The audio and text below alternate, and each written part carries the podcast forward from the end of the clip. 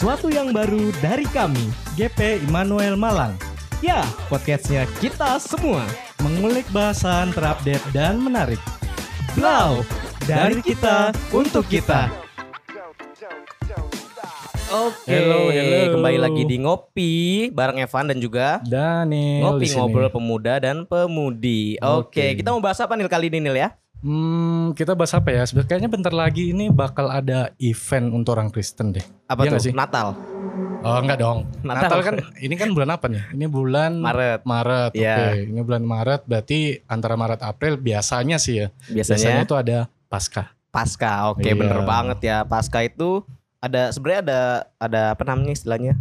Uh, Oh, urutannya ya. Ah, urutan. Jadi kita mulai dari Pertama dari ini kalau di Manuel Malang udah ada sih kayak apa Sabtu subuh itu kan juga dalam rangka Oh, gitu? menyambut Natal ya ibadah Sabtu Oh, subuh. Iya iya iya. Terus habis Iya itu juga nanti sih ya. ada Jumat Agung, Ah, ah, ah. terus eh, apa namanya?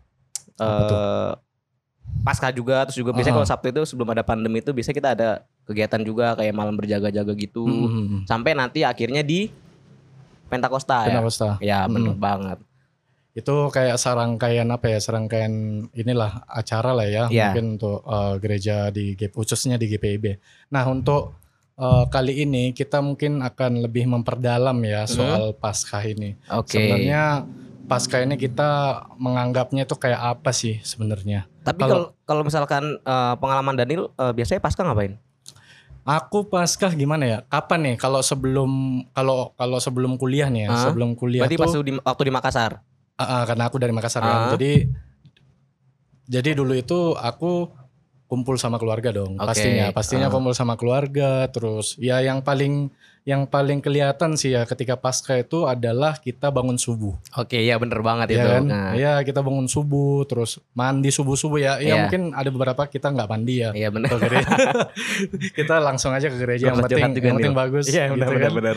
Nah, itu biasanya kalau aku. Kalau kamu Van gimana Van? Ya sama sih hampir sama kayak Daniel juga tapi mungkin yang kalau yang lebih berkesan itu mungkin pas zaman kita kecil dulu ya kan kayak Hmm, setiap pasca itu ada kayak ya memperingatinya kayak ada lomba, ada banyak kegiatan Lomba. segala macam. Nah, pas GP juga juga sebenarnya sebelum pandemi juga banyak itu kegiatan rangkaian kegiatan dari sebelum pasca sampai Pentakosta itu hmm. dan itu ya seru juga Ah, sih. seru sih ya. Karena memang kan pasca itu kan eh, termasuk hari raya gerejawi yang cukup besar gitu ya. Bukan besar ya, maksudnya ya besar sih maksudnya. Eh, jadi kalau Natal gitu kan kelahiran ya, tapi Mm-mm. kalau nggak ada kebangkitan dan kematian Yesus ya percuma Ya, iman kayak- kita kayak- gitu kayak kan. ada artinya gitu iya, kan. jadi sebenarnya pasca itu yang ya cukup penting juga sih, penting lah buat eh, iman kita Iya. gitu. apalagi pas pasca ini kayaknya ya Hmm.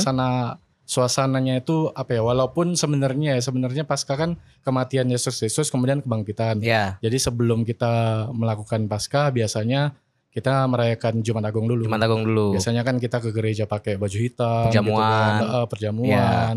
Dan setelah itu baru kita merasa eh, apa ya istilahnya ini simbolis lah ya. Iya benar. Heeh. apalagi se- ini sebenarnya ya sebenarnya kita itu agak salah arti sih. Hmm. Biasanya kan kebanyakan orang itu mikirnya wah ini Paskah. Oh berarti hari ini itu adalah kematian Yesus Kristus. Eh, Kemudian kebangkitannya nanti hari Minggu gitu. oh, gitu. Tapi sebenarnya udah terjadi sih sebenarnya. terjadi gitu kita ya. cuma memperingati. Iya iya benar kita benar. benar. memperingati dengan berbagai macam rangkaian acara kayak gitu. Oke, nah juga kalau misalnya sebelum uh, pasca itu yang salah satu kejadian pentingnya ya Jumat Agung itu sendiri. Hmm, nah Jumat Jumat, Agung Agung, itu kan uh, prosesi uh, apa kejadian di mana Yesus disalib. Ah, Di situ juga salib. banyak ceritanya. Salah satunya yang menarik adalah bagaimana uh, kronologi tertangkapnya sampai dengan tersalibnya Tuhan Yesus itu sendiri. Hmm. Di mana di dalamnya itu uh, ada apa ya? Kalau di Alkitab itu sedikit bisa dibilang kayak pengkhianatan ya. Ah, bisa dibilang gitu ada. dari dari salah satu muridnya yang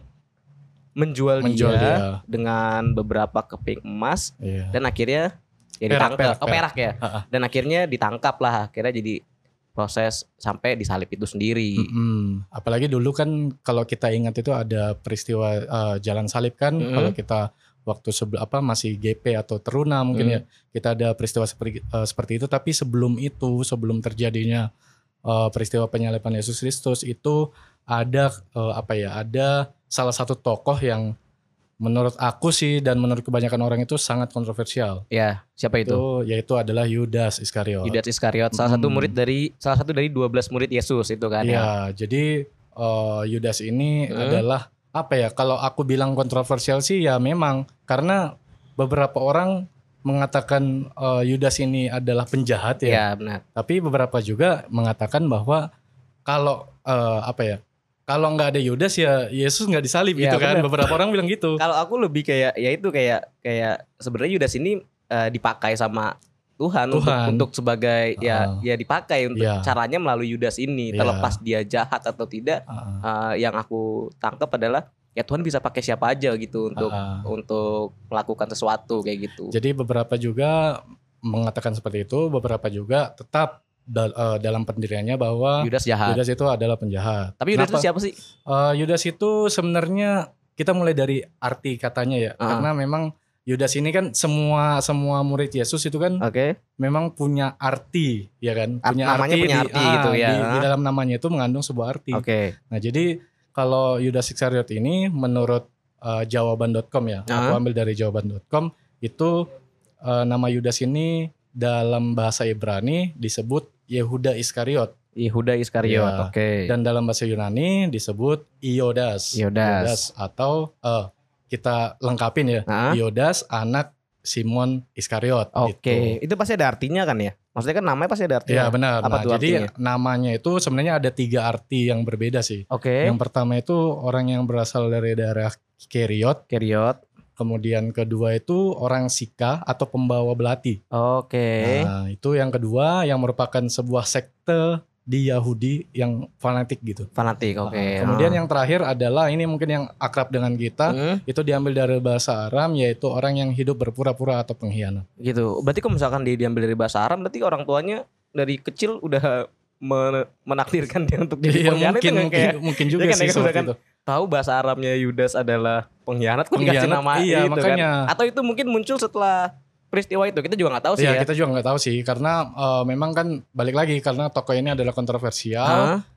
Apa jangan-jangan memang dari awal tujuannya seperti itu apa bagaimana kan kita nggak tahu juga gitu. Oke, nah tadi kayak eh, arti yang nomor eh nomor satu ya, dia artinya orang dari Keriot. Keriot. Nah itu menarik juga nih karena eh Keriot itu kota yang terletak di sebelah selatan Yehuda ya nggak sih? Hmm, Nah, iya, terus, iya, iya, iya. Eh, Yudas itu menjadi salah satu murid Yesus yang bukan berasal dari Galilea. Galilea. Oh, Ah, ah, jadi berarti semuanya itu ya mungkin apa ya berasal dari Galilea mungkin ya. ya Eh, tapi hanya Yudas ini aja yang dari Keriot itu. Hmm. Oh jadi ya jadi dia punya latar belakang yang berbeda juga dengan murid-muridnya. ke sebelas teman-temannya murid Yesus itu. Ah, murid Yesus lainnya. Ya, gitu. Jadi eh, apa ya? Kalau Yudas ini juga merupakan salah satu murid utama Yesus. Kalau dulu kan kita Hmm. sekolah minggu kita eh, apa ya?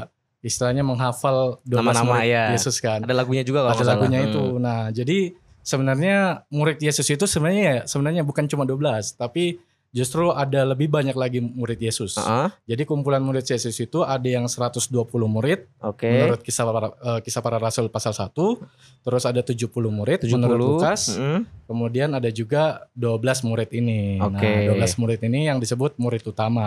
Oke, Gitu. ya ya ya. Jadi salah satunya itu adalah Yudas Yudas. Iskariot ini. Jadi walaupun namanya adalah pengkhianat ya di awal ya, di Mhm. awal namanya pengkhianat, tetapi di sini Yudas dipanggil Tuhan untuk menjadi 12 salah satu dari 12 murid utamanya. utama dari Yesus Oke. Kristus gitu. Nah, terus eh, dia udah berapa lama kira-kira nih? Maksudnya kan eh, Yesus itu kan eh, mulai karyanya, maksudnya bukan karya yang mulai eksis dalam Alkitab itu saat usia dia Umur 30 kalau nggak 30 salah kan ya. Ah, Nah, ah, itu udah udah sama Yudas tuh berarti. udah sama Yudas. Selama Eh, sampai disalib umur 33. ah, ah, Berarti kurang benar. lebih tiga tahun bersama. tiga tahun bersama. Uh, Oke. jadi itu itu kayak uh, apa ya? Memang Yudas ini adalah sosok apa ya? Sosok yang dekat juga dengan Yesus. Berarti dia juga mendapatkan pengajaran langsung dari Yesus Kristus. Oke, ya Gitu. ya. Jadi untuk apa ya? mem- uh, mel- udah melihat pelayanan Yesus itu seperti apa, Ya. mujizat-mujizatnya seperti apa yang Yesus kerjakan. Ini menurutku sih Yudas ini salah satu murid spesial sih dari spesial. Yesus Kristus. Makanya karena dia spesial dia diangkat sebagai bendahara. Bendahara. Bendahara Ah, dalam dalam perjalanan Yesus ini sendiri. Jadi dia Mhm. yang dipercaya untuk mengatur segala urusan Ah. tentang keuangan. Padahal kalau gitu. dipikir-pikir ya, kalau bendahara itu kan harusnya salah satu orang yang sangat dipercaya sih Iya, menurutku. benar. Heeh, sangat dipercaya. Berarti memang Yudas ini dipercaya juga. saat itu Mm-mm. sehingga dia Mm-mm. dikasih eh, tanggung jawab Dikasih sebagai tanggung jawab untuk bendahara. sebagai bendahara itu Ah, gitu. Tapi ingat sih, eh, ingat gak sih eh, apa waktu dulu itu menurut Alkitab ya hmm, itu eh, ketika Yesus ditangkap ya, hmm, ketika Yesus ditangkap itu kan yang menjual Yesus kan Yudas. Iya, Nah, Yudas itu sempat mencium Yesus loh waktu itu. sebagai kode ya. sebagai Kode, kode, buat tentara-tentara. sebagai kode buat untuk- tentara-tentara untuk menangkap yang mana Yesus Ya, Kristus itu. bahwa yang dicium itu adalah Yesus. Mm-mm. Ya, Nah, benar-benar. jadi eh, ciuman tersebut Hmm, itu adalah salah satu simbol. simbol. Jadi sekarang itu sudah dianggap sebagai salah satu simbol dari pengkhianatan. Oke, berarti kalau dicium bukan kasih sayang lagi ya, udah pengkhianatan iya, jatuhnya iya. ya. ya tergantung orangnya sih ya kali iya, ya. iya.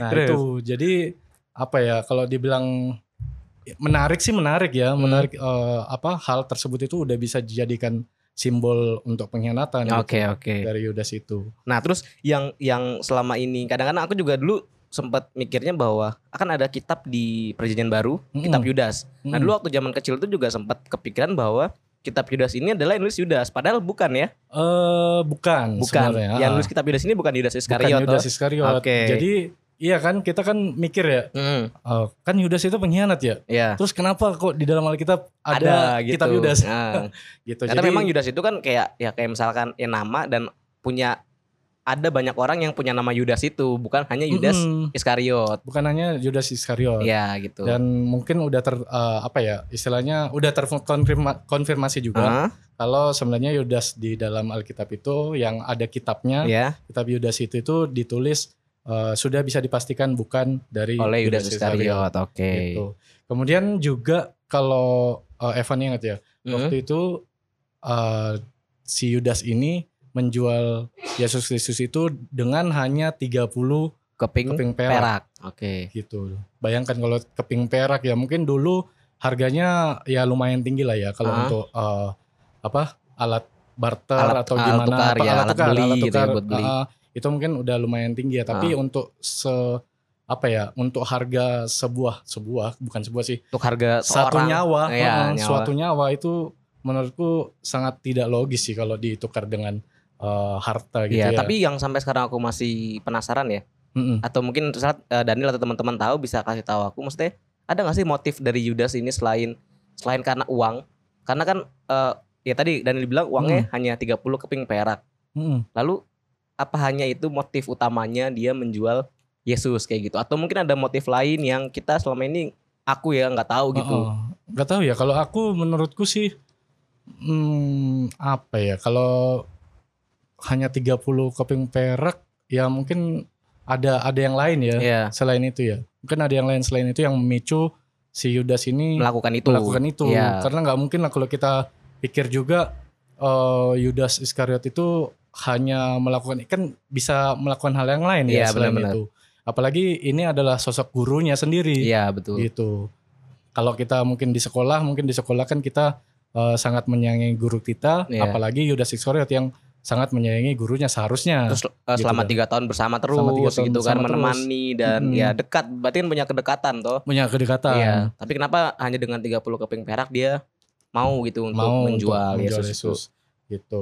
Terus kemudian kita juga ingat waktu dulu itu kan selesai eh, Yudas menjual Yesus, itu Yudas apa ya istilahnya menyesal gitu. Ya, kalau di film yang Ah. Passion of the Christ itu kan Passion dia kayak sedih gitu kan. Ah, dia sedih, terus putus asa dan sebagainya. Gitu itu yang kita lihat di filmnya. ya. Ah, Tetapi setelah itu eh, Yudas ini memilih untuk mengakhiri hidupnya sendiri dengan cara dengan cara gantung diri. gantung diri, bunuh diri Gantung berarti diri. ya. Ah. Penyesalan dia dilakukan dengan cara bunuh diri Bunuh diri. gitu.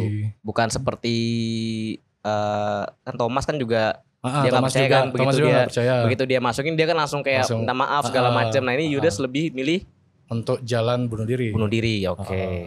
Itu apa ya istilahnya hal yang eh, rumit juga ya Iya. untuk Yudas Iskariot sebenarnya ya sebenarnya itu hal yang rumit dia sudah menghi- eh, mengkhianati gurunya dengan hanya segi eh, dengan hanya eh, sebuah harta gitu kan itu kemudian mengakhiri hidupnya. Ya. Menurut Evan ini gimana Evan? Ya. Ini menurut aku ini kontroversi dia tokoh yang salah satu ya tadi Daniel bilang Oh. dia salah satu tokoh kontroversi di Alkitab karena yaitu memang eh, bagaimana orang yang punya kedekatan bisa menjual, Mm-mm. uh, menukar dengan uang, lalu Menukar dengan uang. lalu mengakhiri hidupnya Mengakhiri dengan hidupnya. cara yang tragis seperti itu. Ya mungkin menurut teman-teman juga kayaknya sih Yudas ini adalah seorang penjahat ya karena Iya. kita udah udah lihat lebih lebih sebenarnya kejahatannya itu bukan bukan kayak membunuh atau apa bukan tetapi lebih ke pengkhianatan Iya, iya. lebih ke pengkhianatan jadi sebenarnya kalau yang se- yang saya sama se- aku sama Evan eh, sampaikan tadi itu lebih ke pengkhianatan sebenarnya Iya, iya. Sebenarnya Tapi lebih- aku mikirnya gini nih, ya. Hmm. Eh, ya itu tadi bahwa eh, Tuhan tuh bisa pakai siapa aja nggak sih? Tuhan bisa ngukir siapa Maksudnya aja mau terlepas dia jahat, dia berdosa, dia seorang yang tidak punya apa-apa, tapi kalau Tuhan mau pakai salah satu contohnya ini kan maksudnya eh, Yudas yang jahat, maksudnya Mm-mm. yang bisa dibilang jahat, orang beberapa orang menganggap dia jahat, tapi dipakai Tuhan. dipakai Tuhan Karena kalau misalnya coba misalnya kita bayang kita bisa kita bisa eh, putar waktu kita kembali, Mm. terus kita eh, cegah Yudas buat jual Yesus. jual Yesus Apa yang akan terjadi sekarang? Kita nggak tahu kan, Nah, apakah kita tahu akan ada peristiwa atau apa pun tapi ini memang sudah dikehendaki terjadi kayak gitu. beberapa juga ahli eh, apa ya ahli biblika ya ahli Mhm. biblika itu juga berkata eh, apa ya sekan- seandainya seandainya Yudas tidak ada pun eh, mungkin ya atau bisa dipastikan ya dipastikan Yesus tetap akan menebus dosa kita Iya. karena memang tujuan Yesus untuk ke dunia kan untuk Menebus menebus dosa manusia. kita. Ya, benar sih. bukan untuk dibunuh apa bukan untuk dihianati oleh Yudas, Yudas, iya. tetapi Yudas yang dipakai oleh Tuhan Untuk Nah, untuk- jadi beberapa iya, juga iya. beberapa juga mengarah seperti itu. Oke, oke. Nah, tapi beberapa juga Hmm. beberapa juga itu lebih berpikir out the box, out of the box. Gimana gitu. Jadi berpikirnya itu mencoba berpikir di luar tradisi Oke. atau non tradisi. Makanya menurut baca eh, bacaan-bacaan kita di mungkin sekolah biblika ataupun seperti apa, itu banyak orang yang mempelajari juga di luar Alkitab Oke. gitu. Salah satunya adalah di kitab Gnostik. Oh, Oke, ya gimana Nah, tuh? Jadi eh, sebenarnya dari sudut pandang non tradisi itu jika kita membaca tulisan-tulisan Paulus ya ini ini menurut pemikiran-pemikiran eh, orang yang apa ya yang meneliti tentang Ah. kekristenan itu membaca jika kita membaca tulisan-tulisan Paulus itu tidak ada satu ayat pun yang membicarakan tentang Yudas. Oke. Nah, bahkan di surat 1 Korintus itu Paulus menyebutkan ke-12 rasul dan dirinya Heeh. Di mana tidak disebut apakah Yudas masih di antara 12 murid itu yang eh, atau Yudas telah mati dan digantikan oleh Matias. Jadi ini ti- ini tuh kayak apa ya? Yudas itu tidak pernah disebutkan oleh Paulus dalam surat 1 Korintus itu Heeh. gitu. Artinya apa? Artinya kita masih belum tahu apakah Paulus itu menganggap Yudas ini adalah seorang pengkhianat atau bukan. Atau sebagai Gitu. bagian dari murid Yesus Sebagai itu sendiri. ah, bagian dari murid Yesus itu Tapi pada faktanya nggak ditemukan gitu ya. nggak ditemukan. Tentang bahasan Paulus tentang Yudas itu sendiri gitu Ah, kan. ah, jadi eh, apa namanya kalau kita perhatikan lagi di eh, surat surat-surat yang ditulis oleh eh, Paulus itu, Oke. itu kata menyerahkan dalam eh, kitab Roma Hmm. dan Galatia itu ka- kata menyerahkan yang digunakan bukan bukan merupakan kata konotasi negatif, kata yang digunakan sama seperti mengantar, memberikan. Jadi itu tuh kayak apa ya? Kayak kata-katanya itu lebih ke disimpulkan tidak berarti negatif Oke. gitu. Dalam Yudas mungkin Yudas menyerahkan ataupun dia diserahkan, Hmm. Yesus diserahkan dan sebagainya, itu bukan yang Negatif. negatif. Iya. bukan seperti dijual atau dipaksa gitu. Oke, oke. Jadi menurut orang-orang di luar orang-orang yang meneliti Kristen ini, Ah, beberapa ya nggak semua, itu Yudas adalah sebuah tokoh buatan Oke. atau karangan atau mungkin tokoh yang dikambing hitamkan. Oke. Jadi sengaja dibuat gitu. Untuk eh, menceritakan tentang kejadian penyalipan itu. Ah, betul. Oh, Jadi lebih ke apa ya? Lebih ke oh orang ini eh, Yesus mati harus ada yang dikambing hitamkan. Oke. Siapa yang membuat Yesus mati? Oke, oke. Nah, salah satunya itu adalah Yudas. Kira- Pemikiran ini hmm. muncul memang dari peneliti eh, beberapa peneliti dari kekristenan. Oke, tapi terlepas dari sudut pandang eh, apa namanya dari penelitian ataupun dari Alkitab sendiri, dan ini melihat sosok Yudas ini seperti apa? Hmm, aku sih masih ya masih lebih ke pengkhianat ya. Kalau Oke. aku sih lebih seperti itu. Cuman kita kan sebagai orang Kristen tidak diajarkan untuk membenci. Iya benar. Kita bahkan harus mengasihi musuh kita. Iya, bener banget itu. gitu. Salah Jadi, satu ajaran Yesus yang paling teringat itu ya. Ah, kita ah, paling kalau di- dikasih tampar pipi kiri, ah, kasih pipi kanan. iya gitu Meskipun kan. nggak benar-benar ya, nggak benar-benar itu itu kita bonyok nanti. Iya. ya intinya adalah menurutku sih, menurutku ya memang pengkhianat, Hmm. tetapi kita tidak semata-mata membenci dia karena ada hal yang kita bisa pelajari. Betul banget. Ada hal yang kita bisa pelajari dari Yudas itu sendiri. Apalagi dengan posisinya sebagai murid Yesus waktu dulu itu, Ah. itu apalah kita sebagai orang yang tidak hidup di zaman Yesus, bahkan tidak bisa masuk di 12 murid itu Ah, ah, iya bener. gitu dan Yudas bisa gitu. Yudas bisa. Makanya uh, Yudas ini ada ada hal yang memang kita harus bisa apa ya? bisa ada hal yang pelajari bisa dari kita kita pelajari. dia. Ada maknanya gitu. Ada maknanya. Jadi nggak semata-mata dia hanya pengkhianat aja gitu kan. Mm-mm. Hmm, iya sih. Ya, jadi mungkin agak beda ya, agak beda uh, su- uh, sudut pandang gitu. Oke. Mungkin sudut pandang beberapa orang itu menganggap bahwa Yudas ini memang Murni bukan dipakai penjahat. Tuhan. Ah, apa Ada yang, namanya? ada yang Murni bilang penjahat. murni penjahat Murni nih. penjahat. udah. Ada yang bilang juga apa? Oh, ini sebagai dipakai Tuhan. iya, dipakai Tuhan ya, Oh, benar kalau ya. nggak ada dia nggak ada penembusan gitu Ya. kan. Ada Sebenarnya dari beberapa dua gitu. pandangan itu nggak ada yang salah sih. Kan kita salah, kita, kita yang bisa salah. berpendapat apa pun gitu kan. Ya. Kita bebas untuk berpendapat. Ah, ya, yang penting tidak menggoyahkan iman kita tentang Benar. kematian dan kebangkitan Yesus sendiri Benar. gitu. Yang penting kita sebagai orang Kristen itu apa ya? Kalau kita itu meng apa ya istilahnya meneladani, Ya. meneladani itu kita tidak perlu meneladani yang negatif, Ya, tetapi kita harus mengambil hal-hal positif betul banget. dari uh, Setiap cerita yang setiap di cerita Alkitab, setiap dari- tokoh Ah, yang ada di mungkin- Alkitab Gak gitu mungkin kan. kan semua uh, cerita Alkitab itu adalah hal-hal yang baik Betul. gitu. Ada juga hal yang buruk. Seperti contohnya kalau Daud memulai apa mempunyai banyak istri Iya. gitu kan nggak nggak mungkin kita ikutin Iya, walaupun benar-benar. uh, Daud itu adalah salah Seorang satu raja. seorang raja Mm-mm. terus uh, panggilan Tuhan juga Iya. gitu kan dan sebagainya. Jadi uh, banyak hal yang kita harus pilih-pilih juga. Betul gitu. banget. Dan yang pasti itu punya ya punya andil juga dalam kita melihat tentang sudut pandang terhadap kehidupan ini Terhadap gitu. kehidupan. Kayak misalkan eh, ya contohnya aja misalkan kita kita pasti berdosa kan manusia berdosa ya. Kita manusia Tapi berdosa. kalau misalnya kita mau eh, mengaku sama Tuhan, kita mau bertobat, mau berserah, pasti Tuhan juga nggak akan ninggalin kita Ninggalin kayak kita. gitu. Iya, apalagi kalau kita mungkin kita juga punya banyak salah, Yudas pun juga punya banyak salah. Hmm. Tetapi kalau kita memang betul-betul ingin bertobat, terus eh, apa namanya berubah gitu kan, pasti bakal bisa. Ya, Jangan sampai kita berakhir seperti Yudas yang Iya. eh, pada akhirnya eh, mengakhiri hidupnya dengan mengakhiri cara hidupnya bunuh diri dengan cara gitu kan. bunuh Karena diri. kan esensi sesungguhnya dari pasca ini adalah ya dosa kita ditebus dosa gitu kita kan. ditebus. Dosa kita ditebus, kita hidup baru kayak Ah. misalkan kan contoh filosofi telur dalam pasca itu kan Nah, telur dalam suatu pasca, kehidupan yang baru kehidupan yang kan. baru. Heeh. Jadi ya setelah kematian dan kebangkitannya ya kita hidup baru lagi Iya. gitu. Bukan hidup yang lama. Jadi hidup Bukan. yang lama ditinggalkan kayak Ah, gitu. benar. Jadi itu cara kita untuk memaknai pasca yang sekarang. Betul banget. Heeh. Walaupun di tengah pandemi ini kita harus tetap kita harus tetap mengingat rayakannya dengan Ah, ah. sukacita dengan juga uh, terus hidup baru Ah, ah. kayak gitu. apalagi buat kita yang memang uh, sudah jauh dari Tuhan kalau bisa itu kita lebih mendekat lagi kepada Tuhan kita mengaku dosa-dosa kita Oke, dan kita menjadi sesuatu yang baru lagi betul banget. Hidup Gitu. baru untuk kemuliaan nama kemuliaan Tuhan. nama Tuhan Oke teman-teman GP selamat menyambut Pasca ya Nil ya. Ya, Buat teman-teman di sana semuanya. uh, kita sambut Pasca Jumat Agung dan dan rangkaian, Dan rangkaian. ininya dengan penuh sukacita Dengan penuh dengan ungkapan syukur bahwa Tuhan telah ya walaupun menembus kita walaupun gitu. kita beberapa ada yang jauh dari orang tua Betul. tetapi yakin dan percaya Tuhan Yesus akan mempertemukan kita semua dalam doa Amin. Oke, sekian dulu pembahasan Sekian kita dulu ya, tentang iya. Oke. Pasca dan perintilannya. Iya. Jadi teman-teman jangan sampai kelewatan episode podcast Blau selanjutnya Iya karena dong. pasti akan banyak bahasan-bahasan yang menarik yang Menarik. sayang untuk dilewatkan. Oke, Evan pamit.